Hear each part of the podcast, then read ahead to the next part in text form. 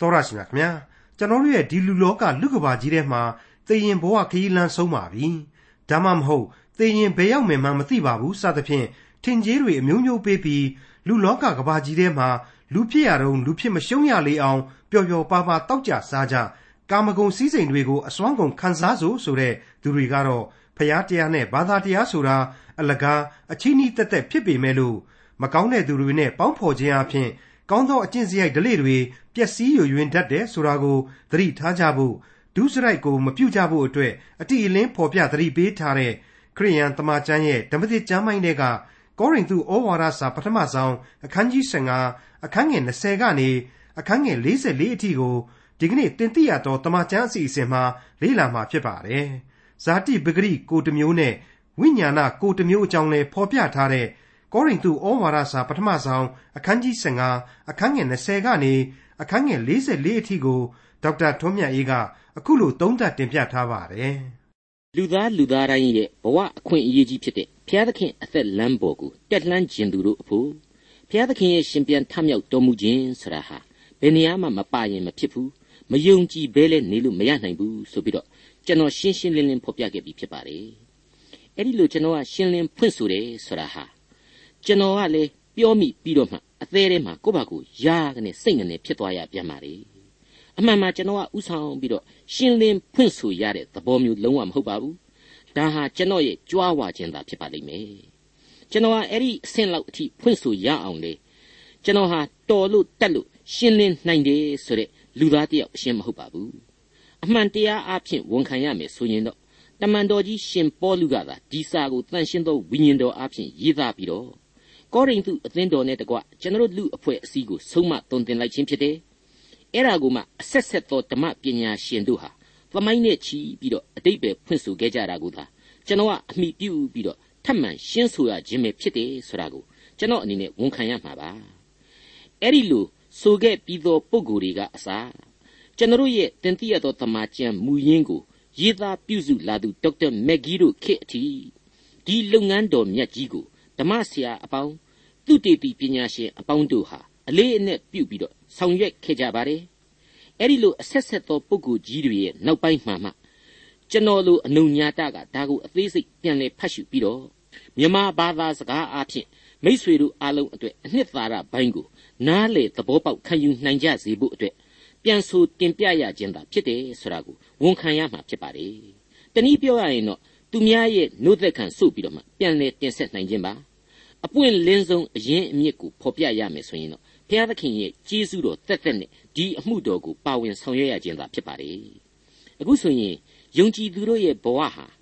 အေယာမအခွင့်အရေးအကျိုးကျေးဇူးဖြစ်တဲ့အသက်သရဖူကိုရယူနိုင်ခွင့်ရှိတယ်ဆိုတာကိုသိကြရပြီအဲ့ဒီလိုအသက်သရဖူနဲ့ထိုက်တန်တဲ့ထိုက်တန်တဲ့အဆင့်မျိုးကိုရောက်ဖို့ရန်အတွက်ကတော့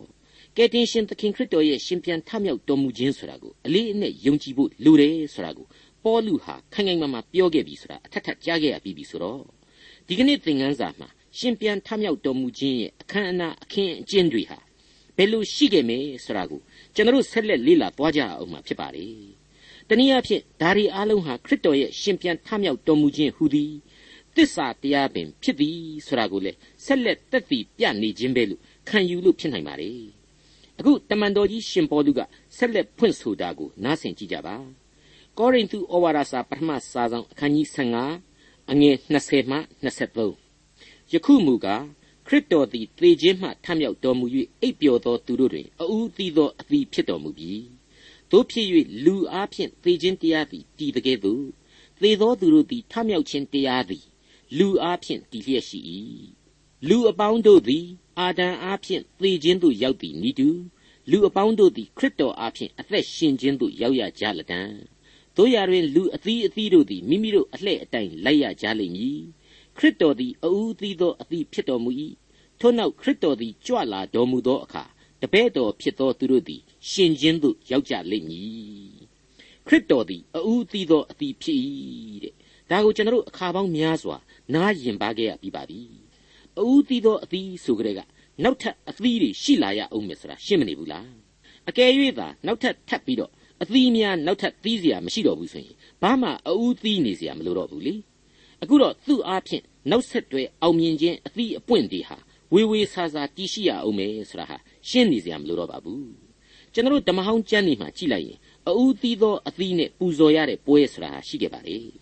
အခုဓမ္မသစ်အချိန်ကာလမှာကတော့ခရစ်တော်အားဖြင့်ဒီပွဲတော်ကိုဘုရားသခင်ကကျင့်ပစေတာဟာ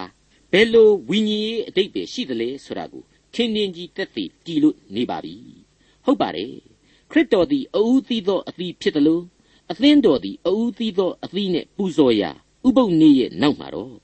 ဘောဇင်ပူဇော်သက်ကအသင်းနဲ့ပူဇော်ရတဲ့ပင်တေကုတ်တီပွဲတော်နေ့ကျင်းပရာအချိန်မှာတိုက်တိုက်ဆိုင်ဆိုင်ကြီးပဲတနေ့ချင်းဘွားကနေပေါ်လာရပါပြီ။အူးသီးသောပွဲတော်ဆိုတဲ့ပွဲတော်နေ့မှာကယ်တင်ရှင်သခင်ခရစ်တော်ထမြောက်တယ်။ပြီးတဲ့နောက်ရက်90တိတိမှာပင်တေကုတ်တီပွဲတော်နေ့ကျင်းပတယ်။ အဲ့ဒီပင်တေကုတ်တီပွဲတော်နေ့ကြီးမှာမှအသင်းတော်ဆိုတာဟာဘွားကနေပေါ်လာပြီ။တနည်းအားဖြင့်ခရစ်တော်ကြီးဟူသောသခင်ဟာသိုးတငယ်ရဲ့အသွေးတော်အားဖြင့်လူသားတို့ကိုကျွန်ဘဝမှလွတ်မြောက်ခြင်းကိုအောက်မေ့စေတဲ့ပတ္တခါပွဲခံခြင်းအချိန်မှာအသေးခံတယ်ပြီးတဲ့နောက်အသက်နဲ့ရှင်ပြန်နိုးထခြင်းအပြင်အူးသီးသောအသီးနဲ့ထာဝရဘုရားသခင်ကိုပူဇော်ရတဲ့ရှေးကာလဥပုံနေ့ကိုအတိတ်ပဲဖြည့်ဆည်းပေးခဲ့တယ်ပြီးတော့မှတခါအဲ့ဒီရှေးကာလကအတိုင်းသတင်းခုနှစ်ပတ်ရဲ့နောက်ထပ်တရက်အကြာ တနည်းအားဖြင့်ရက်90တိတိမှကျင်းပရတဲ့ဘောဇင်ပူဇော်သက်ကအသစ်နဲ့ပူဇော်ရတဲ့ပင်တေကုတ်တီပွဲတော်နေ့မှာမှာအသင်းတော်ဆိုတာဟာဖြစ်တည်ရပြန်တဲ့အတွေ့ဘုရားသခင်ရဲ့ရှေးနှစ်ပေါင်းများစွာကထားခဲ့တဲ့ဗျာဒိတ်တော်အတိတ်နမိတ်တွေဟာအတိတ်ပေတွေအားလုံးအပြည့်အဝနဲ့ဓမ္မဟောင်းဓမ္မသစ်တို့ကိုဆက်ဆက်ပေးလိုက်တာပဲဖြစ်ပါတယ်မိတ်ဆွေများခင်ဗျာဝတ်ပြုရကျမ်းအခန်းကြီး23ကိုကျွန်တော်တို့ပြန်ကြည့်ပြီးတော့သင်ခန်းစာယူနိုင်မယ်ဆိုရင်အဲ့ဒီရှေးကာလကမောရှိခေတ်မှာ ဘုရားသခင်သတ်မှတ်ခဲ့တဲ့ပတ္တခါပွဲတော်အူးသီးသောကောက်လိုက်နဲ့ပူဇော်ရာပွဲတော်ဘောဇင်ပူဇော်တက်ကာနဲ့ပူဇော်ရတဲ့ပင်တီကုတ်တီပွဲတော်တို့အကြောင်းတွေကိုပြန်ပြီးတော့ကျွန်တော်တို့တွေ့မြင်ရပါလိမ့်မယ်ပြီးတော့အဲ့ဒီနေ့ရဲ့အပေါင်းတို့ဟာကယ်တင်ရှင်သခင်ခရစ်တော်ရဲ့အသေးခံခြင်းရှင်ပြန်ထမြောက်တော်မူခြင်းနဲ့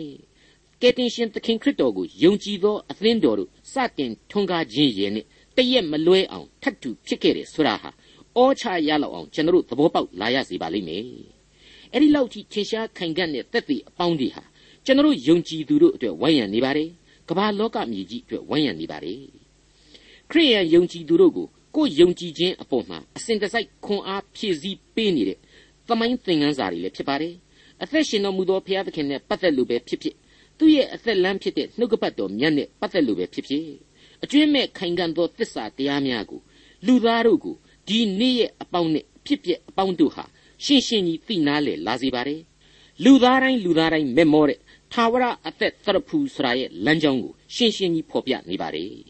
ဘယ်လိုပဲပြောပြောနားလေတိုင်းလူတိုင်းလူတိုင်းဟာလက်ခံနိုင်ကြသလားဆိုတော့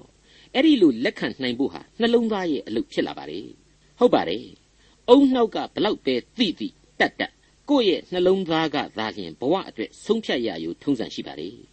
အဲ့ဒီလိုယုံကြည်လက်ခံသူများအတွက်ကိုတော့ ကောရိန္သုဩဝါဒစာပထမစာဆောင်ရဲ့အခုကျမ်းပိုင်းကနေတဆင့်တမန်တော်ကြီးဟာအားပေးဆုံးမလိုက်ပါတယ်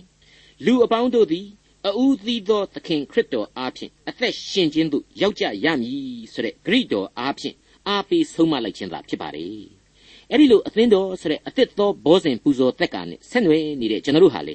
ခရစ်တော်အသေးခံခဲ့တယ်လို့မလွဲမသွေတနေ့နေ့မှသေကိုသေကြရမှာဖြစ်ပါတယ်။မသေးခြင်းဘူးဆိုပြီးတော့ ကိုယ့်ရဲ့ဘဝလောကရန်ကိုရှောင်ပြေးခြင်းလို့မရနိုင်ပါဘူး။လူမှန်ရင်သေကိုသေကြရပါလိမ့်မယ်။ဒါပေမဲ့ခရစ်တော်အားဖြင့်သေချာမုတ်ချပြန်လဲရှင်သန်ကြရမှာဖြစ်ကိုဖြစ်တယ်ဆိုတာကိုလေရှင်ပေါလုကဒီနေရာမှာဆက်လက်ဖော်ပြလိုက်ပါတယ်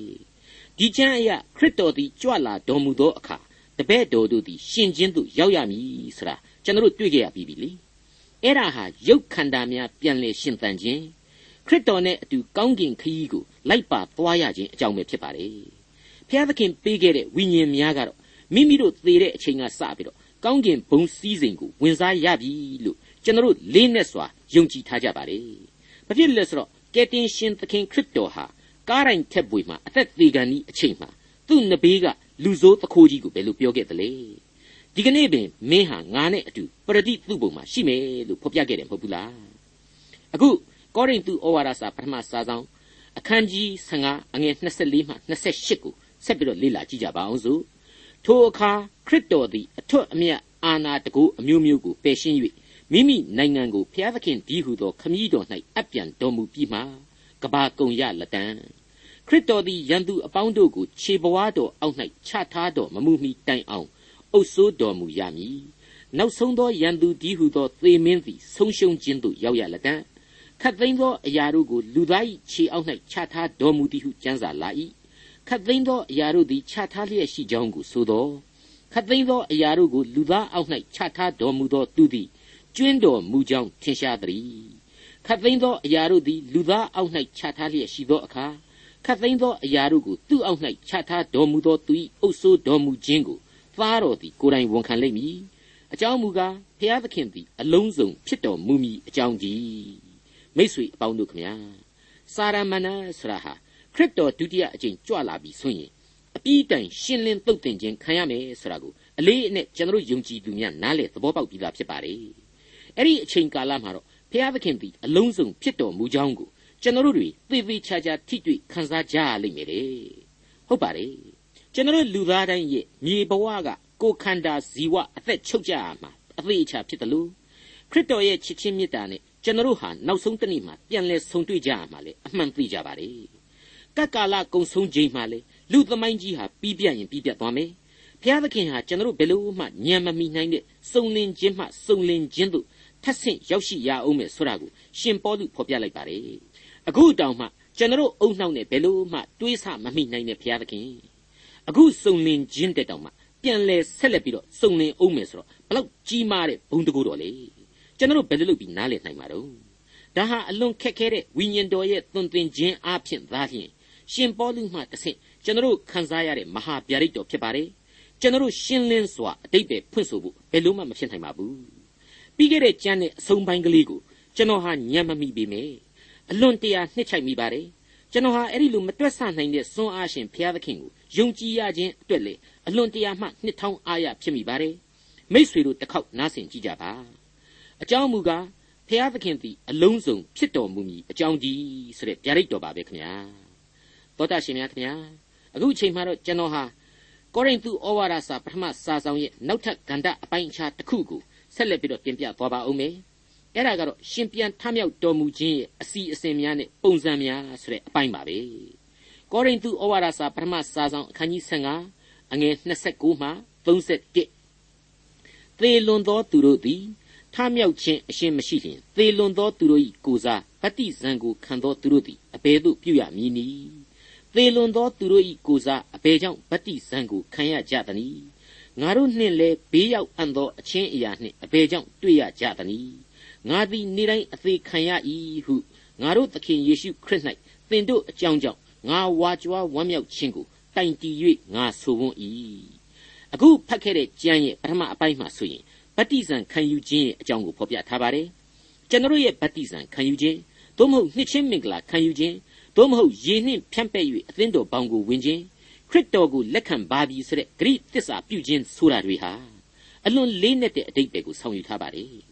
မြစ်ထဲမှာဆင်းပြီးတော့ကိုယ့်ဘာသာကိုရေငုပ်တာနဲ့အရှင်မတူပါဘူးရေပူရေအေးနဲ့ရေပန်းအောက်မှာရေချိုးတာနဲ့လည်းလုံးဝကွာခြားနေပါတယ်အဲ့ဒီလိုဗတ္တိဇံခံယူလိုက်ခြင်းဟာခရစ်တော်ဒီဟုသောအစဉ်အသက်ရှင်တော်မူသောဘုရားသခင်ထံမှာကျွန်တော်ဟာမိမိတို့အသက်တာကိုမှတ်ပုံတင်စည်ရင်သွင်းလိုက်ခြင်းပဲဖြစ်ပါတယ် အဲ့ဒီလိုဗတ္တိဇံခံယူလိုက်တာနဲ့တပြိုင်နက်ကျွန်တော်ဟာမြေမှာအသေးခံပြီးလို့ခရစ်တော်ထံမှာရှင်သန်ခွင့်ရပြီဆိုတဲ့သဘောကိုအလေးအနက်ဖော်ပြနေပါတယ်မှန်ပါတယ်စောစောပိုင်းကကျွန်တော်တင်ပြခဲ့တဲ့အတိုင်းအူးသီးသောအသီးနဲ့တူတဲ့ကယ်တင်ရှင်အားဖြင့်ယုံကြည်သူကျွန်တော်တို့အားလုံးဟာဘုရားသခင်အတွက်ပူဇော်ရာဘောဇဉ်ပူဇော်သက်ကအသစ်များဖြစ်ခွင့်ရရှိသွားကြပါပြီအဲ့ဒီနီးအားဖြင့်ခရစ်တော်အားဖြင့်ကျွန်တော်အတွက်သာဝရအသက်တရဖူဆိုတာဟာမလွဲမသွေရှိနေပြီဆိုတာဟာ အမခန်းနိုင်သောဘုရားရှင်ရဲ့ကျေးဇူးတော်တက်တက်သာဖြစ်ပါလေအပြစ်ငရဲနဲ့ကျွန်တော်မုတ်ချလွတ်ရလမ်းဟာဒီတလန်းသာရှိပါလေမိษွေတို့အနေနဲ့တခြားဘာလမ်းကြောင်းကိုများစဉ်းစားနိုင်သေးသလဲ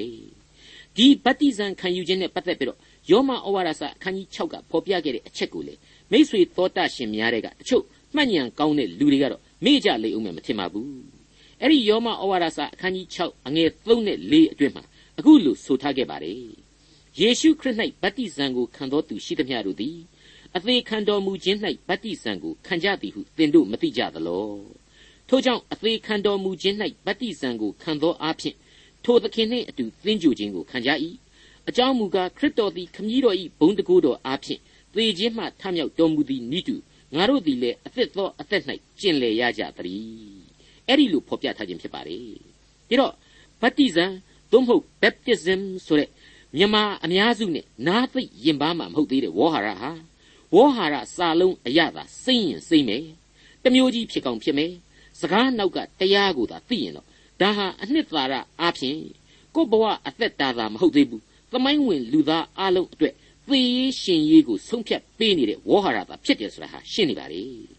အလွယ်ပြောကြစရန်ဆိုရင်တော့ကျင့်စဉ်တော့ကျင့်စဉ်ဒါပေမဲ့လူကကိုယ်စိတ်ကူးနဲ့ကိုယ်လှုပ်ယူရတဲ့အကျင့်ကလေးကျင့်စဉ်အရှင်းမဟုတ်ပါဘူး ကောင်းကျင်တဲ့မြေကြီးကိုဆက်ဆက်ပေးထားတဲ့ကျင့်စဉ်ဖျားသခင်ပေးတဲ့လူအခွင့်အရေးကိုလိုချင်သူတိုင်းလက်ခံရတဲ့ကျင့်စဉ်သာဖြစ်တယ်ဆိုတာကိုရှင်းရှင်းကြီးကျွန်တော်တို့အဖြေထုတ်ယူလို့ရနိုင်ပါတယ်တမန်တော်ကြီးရှင်ပေါလုရဲ့အခုဩဝါဒစာမှာပါတဲ့နောက်တစ်ချက်ကတော့သူဟာခရစ်တော်ကိုယုံကြည်ရတဲ့အတွက်ဝါကြွားဝမ်းမြောက်မိတယ်ပြီးတော့နေ့စဉ်သို့မဟုတ်အချိန်နဲ့အမျှဗတ္တိဇံကိုသူဟာအစဉ်ခံယူနေတယ်တနည်းအားဖြင့်အမြဲအသေးခံနေတယ်ဆိုပြီးတော့ဖော်ပြပြောဆိုပါတယ် ဒါဟာရှင်ပေါလုဟာခရစ်တော်ရဲ့အသေးခံတော်မူခြင်းအကြောင်းကိုနေညမပြတ်ဆင်ခြင်နှလုံးသွင်းအောက်မေ့စဉ်းစားနေခြင်းဖြစ်တယ်သူဟာအပြစ်လောကကြီးကိုခရစ်တော်ရဲ့နာမတော်အဖြစ်အောင်မြင်ခဲ့ပြီဆိုတာကိုကိုကိုကိုစိတ်ချယုံကြည်မှုရှိနေပြီဆိုတဲ့အကြောင်းကိုသက်သေခံလိုက်ခြင်းပဲဖြစ်ပါတယ်ရှင်ပေါလုဟာယုံကြည်ခြင်းတရားကိုသူစောင့်ရှောက်တယ်လို့သူစတင်တည်ထောင်ခဲ့တဲ့ကောရိန္သုအသင်းတော်ကြီးကိုလည်းစောင့်ရှောက်စေခြင်းနဲ့ကောရိန္သုအသင်းတော်ကြီးမှတဆင့် ဒီကနေ့နှုတ်ကပတ်တော်ကိုလေ့လာနေကြတဲ့ကျွန်တော်အားလုံးကိုလည်းစောင့်ရှောက်စေခြင်းနဲ့ဆိုတဲ့စေတနာကိုဒီနေရာမှာရှင်းလင်းစွာဖော်ပြလိုက်ခြင်းဖြစ်ပါတယ်။ကောရိန္သုဩဝါဒစာပထမစာဆောင်အခန်းကြီး15အငယ်32မှ34သေလွန်သောသူတို့သည်ထမြောက်ခြင်းမရှိလျင်အေဖက်မြို့၌လောကီဝေါဟာရအားဖြင့်အထက်ကငါသည်သားရဲတို့နှင့်တိုက်တော်လေအဘယ်အကျိုးရှိသနည်းစားကြကုန်အတောက်ကြကုန်အနက်ဖြန်သေးရကြမည် အလွဲမယူကြနှင့်မကောင်းသောသူတို့နှင့်ပေါင်းဖော်ခြင်းအပြင်ကောင်းသောအကျင့်တလိယိုယွင်းတတ်၏တရားသဖြင့်နိုးကြလော့ဒုစရိုက်ကိုမပြုကြနှင့်အချို့သောသူတို့သည်ဘုရားသခင်ကိုမသိကြထိုတို့ဆိုသောသင်တို့ကိုရှက်ကြောက်စေခြင်းဟာငါဆို၏အတော်ကြီးကိုအတိတ်ပဲလေးနဲ့တဲ့အပိုင်းဖြစ်ပါတယ်ရှုပ်ထွေးတယ်လို့လည်းဆိုခြင်းဆိုလို့ရပါတယ်ကယ်တင်ရှင်ခရစ်တော်သာရှင်ပြန်ထမြောက်တော်မမူခဲ့ရင်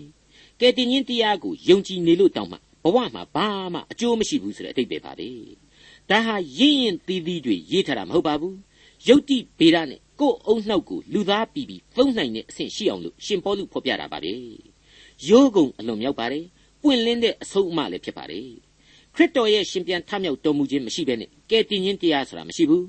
အဲ့ဒါဆိုရင်လူသားတို့ရဲ့လောကုတ္တရာမျှော်လင့်ချက်ဆိုတာတွေဟာလေသဲတဲ့ရည်သွန်ဖြစ်ပြီအိမ်မက်ဆိုရင်အိမ်မက်အဖြစ်ပဲဖြစ်ရပြီ အတွေးဆိုရင်လေအတွေးစိတ်ကူးအဖြစ်သာလျှင်အတွေးအဖြစ်သာကြံရစ်သွားရပြီယုံကြည်နေလို့လည်းဘာမှအတိတ်ပဲမရှိနိုင်တော့ဘူးဒါကြောင့်အဲ့ဒီခေတ်ကခေတ်စားနေတဲ့ Epicureans တွေရဲ့ဝါဒအတိုင်းစားကြတောက်ကြပြီးတော့လောကကြီးမှာပျော်စရာကောင်းတာမှန်သဖြင့်အကုန်လှုပ်ပြီးတော့မှသေကြလူဘဝဆိုတာဟာအဲ့ဒီအဆင့်အတန်းတဲ့ဘာမှအလေးနဲ့ထားစရာမလိုတဲ့အဆင့်ကိုရောက်သွားပြီကြာဆင်းသွားပြီဆိုတဲ့အယူအဆပေါ့အဲ့ဒါကိုရှင်ပေါလုဒီနေရာမှာထပ်ပြီးပြောလိုက်တယ် ဒါနဲ့ပတ်သက်လို့လည်းကျွန်တော်တွေးမိသမျှကတော့ဒီသွန်သင်ချက်ဟာအလွန်ကြီးမားတဲ့သစ္စာတရားပါ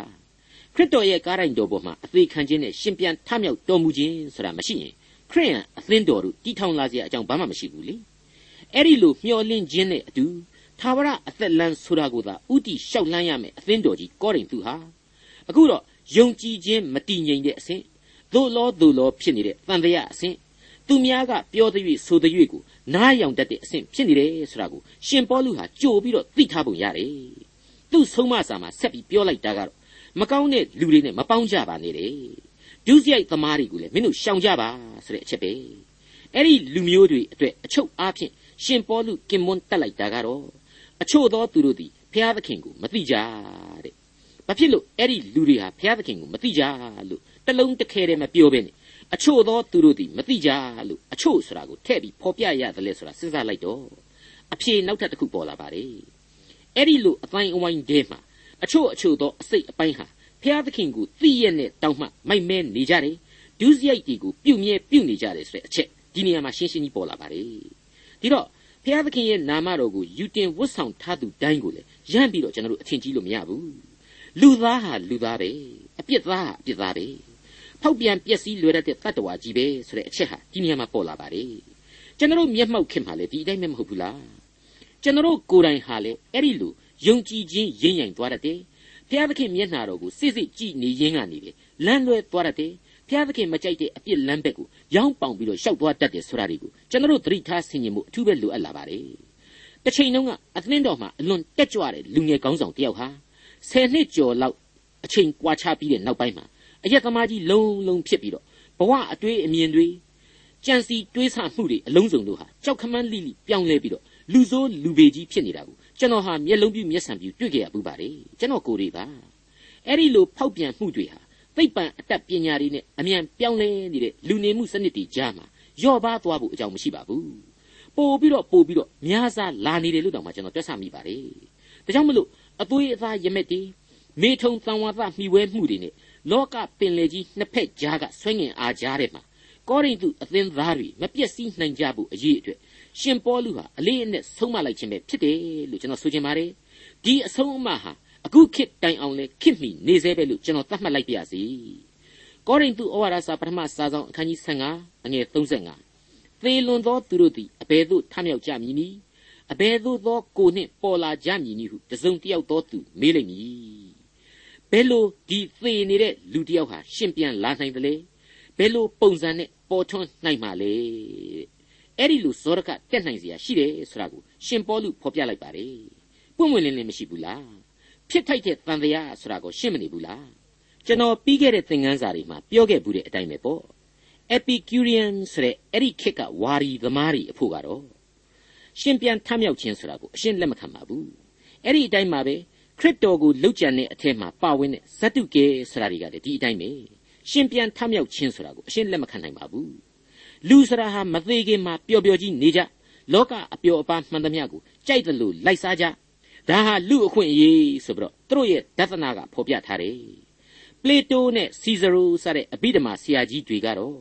ဝိညာဉ်ဆိုတာရှိတာကိုလက်ခံတယ်ဒါပေမဲ့ရုပ်ခန္ဓာကြီးအသက်ရှင်ပြန်ထမြောက်တယ်ဆိုတာကိုတော့မယုံကြပြန်ဘူးဒီတော့ ခရစ်တော်ရဲ့ရှင်ပြန်ထမြောက်ခြင်းဆိုတာဟာတော်ယုံတန်ယုံလူအတွေ့အခေါ်လူအုံနှောက်လူခံစားချက်နဲ့လက်မခံနိုင်ပဲရှိကိုရှိခဲ့ပါလိမ့်မယ်ဒါကိုကယ်တင်ရှင်သခင်ခရစ်တော်ကတော့ရှင်မသက်ခရစ်ဝင်ကျမ်းအခန်းကြီး22အငယ်32မှာအခုလိုဗျာဒိတ်တော်နဲ့ရှင်းရှင်းလေးဆိုခဲ့ပါတယ်ထိုမှတပါသေလွန်သောသူတို့သည်ထမြောက်ခြင်းအရာမှာဖျားသခင်ကငါသည်အာဗြဟံ၏ဖျားဣဇက်၏ဖျားယာကုပ်၏ဖျားဖြစ်သည်ဟုသင်တို့အားမိန့်မွက်တော်မူကြောင်းကို သင်တို့သည်မဖတ်ဘူးသလောဖျားသခင်သည်သေနေသောသူတို့၏ဖျားမဟုတ်အသက်ရှင်တော်မူသောသူတို့၏ဖျားဖြစ်တော်မူသည်ဟုမိန့်တော်မူ၏တဲ့ကဲဘလောက်အံ့ဩဖို့ကောင်းတုံးသူကိုယ်တိုင်ဥဆောင်ပြီးတော့ဖြည့်ဆည်းဆောင်ရွက်ပေးမဲ့အမှုတော်အကြောင်းကိုသူကိုယ်တိုင်ကြိုတင်ပြီးဗျာဒိတ်ပေးထားတယ်ဆိုတာဟာပြက်ပြက်သားသားမရှိဘူးလားငါ့ကိုကိုးကွယ်သူတွေဟာအသက်ရှင်သူတွေပဲဆိုပြီးပြောလိုက်တယ်အတူတူပါပဲအငယ်36အချင်းလူမိုက် သင်စိုက်ပျိုးသောမျိုးစေ့မပြက်လျင်မရှင်တတ်မစင်မချင်းမတွေးမခေါ်နဲ့မိုက်အားကောင်းနေတဲ့လူသားတွေနားထောင်ကြဆိုပြီးတော့ရှင်ပေါလုပြောလိုက်တာပါ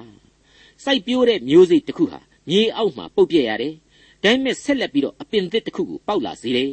အဲ့ဒါဟာရှင်ပြန်ထမြောက်ခြင်းပဲသေခြင်းဆိုတာဟာခရစ်တော်အားဖြင့်ဆက်လက်အသက်ရှင်ခြင်းရဲ့ဏ္ဍာန်ပဲသူဟာအဆုံးစီရင်ခြင်းမဟုတ်ပါဘူးကလကာချခြင်းဂန္ဓာတစ်ခုငိမ့်ချုပ်ခြင်းအဆင့်သာဖြစ်ပါတယ် ဒီသေခြင်းအားဖြင့်ကျွန်တော်ရဲ့ရုပ်တရက်ဟာပုတ်ပြက်ရပါတယ်မြေမှုန့်ကလာခဲ့တဲ့အတိုင်းမြေကြီးပြန်ပြီးဖြစ်သွားရပါတယ်ပြပြန်ပြီးတော့ဖြစ်သွားရပါတယ်ဒါပေမဲ့အဲ့ဒီပျက်စီးခြင်းဟာအသစ်သောခန္ဓာကိုယ်ကြီးကိုနောက်ထပ်ဖြစ်လာစေဖို့ပျက်စီးရခြင်းပဲဖြစ်တယ်ဆိုတာပေါလုဆိုလိုခြင်းဖြစ်ပါတယ်။ကောရိန္သုဩဝါဒစာပထမစာဆောင်အခန်းကြီး15အငယ်38မှ39ထိုမှတပါမျိုးစေ့ကိုစိုက်သောအခါနောက်ဖြစ်လက်တန့်သောကိုကိုမစိုက် ဂျုံစဘာဖြစ်စီအခြားသောစဘာဖြစ်စီအစိသက်သက်ကိုစိုက်တတ်၏ဖျားသခင်သည်အလိုတော်ရှိသည့်အတိုင်းကိုကိုပေးတော်မူ၏မျိုးစေ့အသီးအသီးတို့အားလည်းမိမိတို့အမျိုးအတိုင်းကိုကိုပေးတော်မူ၏အသားရှိသမျှတို့သည်တမျိုးတည်းမဟုတ်လူသားတစ်မျိုးအမဲသားတစ်မျိုးငါးသားတစ်မျိုးငှက်သားတစ်မျိုးအသီးအသီးရှိကြ၏ဇီဝဗေဒသဘောတရားအလုံးကိုရှင်ပေါလုအသုံးပြုဖော်ပြလိုက်ပါတယ်အဲ့ဒီအချက်တွေကတော့ကိုယ်ဇာတိအမျိုးကနေအသစ်သောနောက်ထပ်ဘဝကိုဆက်စီတယ် အမျိုးတော့အမျိုးတူဒါပေမဲ့အသစ်ဖြစ်စေခြင်းကိုဦးစားပေးဖော်ပြထားပါတယ်သေခြင်းဆိုတဲ့ဂန္ဓချမှုကလကာချမှုကိုတော့လူသားဟာကြုံကိုကြုံတွေ့ရမယ်ဒါပေမဲ့အသစ်သောဝိညာဉ်နဲ့ရှင်ပြန်ထမြောက်တဲ့အဖြစ်ကိုရောက်ကိုရောက်ကြရမယ်ဟုတ်ပါတယ်အသစ်သောဘောဇင်ပူဇော်တက်ကဖြစ်တဲ့ယုံကြည်သူတို့ရဲ့ရှင်ပြန်ထမြောက်ခြင်းဟာအူးသီးသောအသီးဖြစ်တဲ့ခရစ်တော်အားဖြင့်နောက်ထပ်ဆက်လက်ရှင်သန်ကြရစမြဲဖြစ်ပါတယ်။စဘာမျိုးစေ့ကနေစဘာဂျုံမျိုးစေ့ကနေဂျုံ မူလမျိုးစေ့ကပုတ်ပြက်တယ်အသစ်ဖြစ်လာကြရတယ်။အဲ့ဒီလိုပဲတတ္တလောကမှာရှိတဲ့မတူတဲ့အဟိတ်တိရစ္ဆာန်တွေဟာလေသူ့အမျိုးနဲ့သူရှိကြတယ်။အဲ့ဒီလိုပြန်လဲပြီးတော့လူဘဝဟာအသက်ရှင်ပြန်နိုးထရမှာကတော့ယုတ်ခလောကတတ္တလောကတို့နဲ့ဥပမာဆောင်ယူလို့ရတယ်။ဒါပေမဲ့သိတာတဲ့ခြားနာချက်ကြီးတစ်ခုကိုတော့အခုလိုဆက်လက်ပြီးမြင်လာရပါတယ်။အငယ်40မှာရှင်ပေါလုဆက်လိုက်တာကတော့အဲ့ဒီခြားနာချက်ပါ။ကောင်းကင်အကောင်အထည်လည်းရှိမြေကြီးအကောင်အထည်လည်းရှိ၏။ ကောင်းကင်အကောင်အထည်ဤဂုံအသရေလည်းတစ်မျိုးမြေကြီးအကောင်အထည်ဤဂုံအသရေလည်းတစ်မျိုးဖြစ်၏။မိတ်ဆွေအပေါင်းတို့ခမညာမြေကြီးသားရဲ့ဘဝဟာကျွန်တော်သိရင်ပြီးပြတ်သွားတာမှန်တယ်ဒီအခါမှာတော့ကောင်းကင်ဘုံသားဆိုတဲ့အလွန်ထူးခြားတဲ့တမျိုးတစ်ပါးသာပုံစံကိုကျွန်တော်ဆောင်ကြရလိမ့်မယ်ကောရိန္သုဩဝါဒစာပထမစာဆောင်အခန်းကြီး15အငယ်41မှ44နေဤဂုံအသရေတစ်မျိုး လာဤဂုံအသရေတစ်မျိုးကျယ်တို့ဤဂုံအသရေတစ်မျိုးအသီးသီးရှိကြ၏ကျယ်တို့ဤဂုံအသရေသည်လည်းအသီးသီးအခြားခြားဖြစ်ကြ၏ထိုနည်းတူသေသောသူတို့၏ထမြောက်ခြင်းအကြောင်းအရာဖြစ်၏ကိုယ်သည်စိုက်သောအခါပုတ်တတ်သောသဘောရှိ၏ထမြောက်သောအခါမပုတ်နိုင်သောအဖြစ်၌တည်၏စိုက်သောအခါဂုံအသရေပြည့်၏ထမြောက်သောအခါဂုံအသရေနှင့်ပြည့်စုံ၏စိုက်သောအခါအစွန်းမရှိထမြောက်သောအခါအစွန်းတတ္တိနှင့်ပြည့်စုံ၏ စိုက်သောအခါဇာတိပဂရိကိုဖြစ်၏ထမြောက်သောအခါဝိညာဏကိုဖြစ်၏ဇာတိပဂရိကိုတစ်မျိုးဝိညာဏကိုတစ်မျိုးရှိ၏ဂုံအသရေချင်းမတူဘူးတဲ့ဟုတ်ပါတယ်ကျွန်တော်ဟာလူစားတိပဂရိအပြစ်လောကသားတို့ရဲ့ထုံးစံအတိုင်းသေချေပုတ်ပြက်သွားရတယ်သင်္ခါရပဲအဲ့ဒီသင်္ခါရနောက်မှာမှအစဉ်သာဝရရှင်သန်ခြင်းအခွင့်ကိုရရှိကြရလိမ့်မယ်တဲ့ဘလောက်အထိခြားနာတဲ့ဂုံအသရေဖြစ်တယ်ဆိုတာတိုင်းတာလို့မရပါဘူး သေကြတာကတော့အဲ့ဒါဟာကျွန်တော်တို့အဖို့တည်ရှိတဲ့ရှင်ပြန်ထမြောက်တော်မူခြင်းဆိုင်ရာဘုရားသခင်ရဲ့ကျေးဇူးတော်ပဲဖြစ်ပါတယ်မိษွေအပေါင်းတို့ခမညာဒီလိုလောကမှာလောကသားလူအဖြစ်အသက်ရှင်နေစဉ်မှာလူပီပီပျော်ရွှင်နေတာဟာမကောင်းဘူးမဟုတ်ပါဘူးကောင်းပါတယ်တရားမျှတမှုလည်းအမှန်ရှိတယ်လို့ကျွန်တော်အလေးနဲ့ခံယူပါတယ်ဒါပေမဲ့ကိုမုတ်ချသေးချာရယူနိုင်တဲ့သာဝရအသက်လမ်းကြီးတည်ရှိခြင်းကိုသိထားမှသာလျှင်ဒီပျော်ရွှင်မှုဟာအကျွင့်မဲ့ပြေဝစုံနေတဲ့ပျော်ရွှင်မှုဖြစ်နိုင်ပါလိမ့်မယ် ကဲတင်ခြင်းတရားကိုပေးပိုင်သူခရစ်တော်၌ဘဝကိုအကျွင့်မဲ့အနှံပြီးတဲ့နောက်ပျော်ပျော်ကြီးဒီလူဘဝကိုရှင်သန်သင့်ပါကြောင်းအထူးတိုက်တွန်းအားပေးလိုက်ပါရစေဒေါက်တာထွန်းမြတ်ရေးစီစဉ်တင်ဆက်တဲ့တင်ပြတော်တမချန်းအစီအစဉ်ဖြစ်ပါတယ်နောက်တစ်ချိန်အစီအစဉ်မှာခရိယန်တမချန်းဓမ္မတိကျမ်းပိုင်းတွေကကောရိန္သုဩဝါဒစာပထမဆုံးအခန်းကြီး15အခန်းငယ်45ကနေအခန်းငယ်48အထိကိုလေ့လာမှဖြစ်တဲ့အတွက်စောင့်မျှော်နားဆင်နိုင်ပါတယ်။